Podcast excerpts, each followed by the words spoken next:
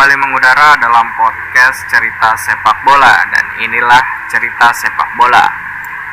Never forgotten, Miroslav Janu. Peluit akhir ditiupkan. Persela unggul 3-1 atas Arema Malang di laga terakhir ISL musim 2011-2012. Stadion Surajaya menjadi tempat yang sangat-sangat angker bagi tim-tim yang bertamu ke Lamongan. Musim itu Surajaya tak pernah sekalipun rasakan kekalahan.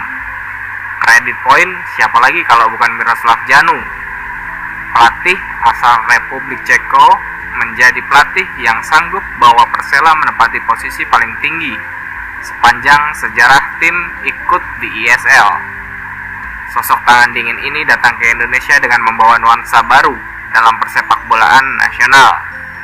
Coach Janu mulai memperkenalkan skema 442 dalam permainan sepak bola.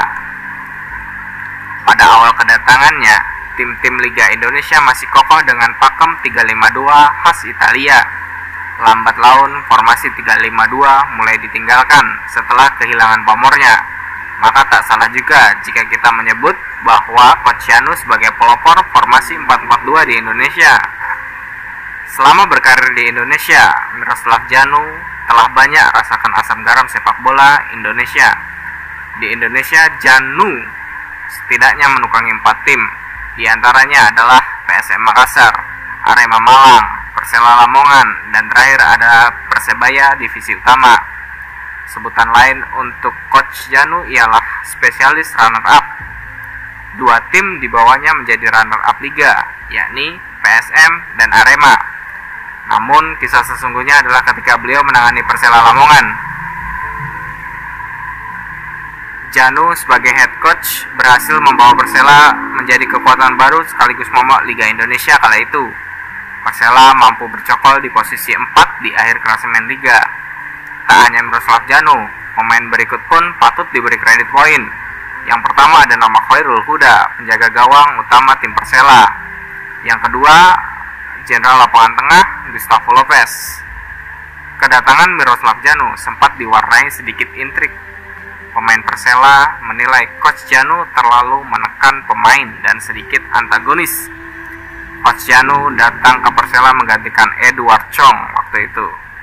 Sebelum Coach Janu menukangi Arema Malang dengan prestasi runner-up Liga, beliau juga sempat menangani PSM. Curi poin di Segiri Kemenangan 1-0 atas Persisam Samarinda merupakan salah satu pertandingan yang menarik bagi saya. Trio Eloko, Jerry, dan Yongki tak mampu menembus Khairul Huda yang bermain luar biasa. Yang tidak bisa dilupakan dari Janu ialah legasi yang berubah filosofi permainan bagi Persela. Salah satu penggawa Persela sempat berucap bahwa Janu adalah coach yang mengerti permainan Lamongan. Permainan yang mengandalkan determinasi khas Jawa Timuran Tak heran hingga kini Persela masih merindukan sosok Miroslav Janu. Tak banyak prestasi yang diraih selama berkarir di Indonesia, namun kisah-kisahnya memang patut dikenang.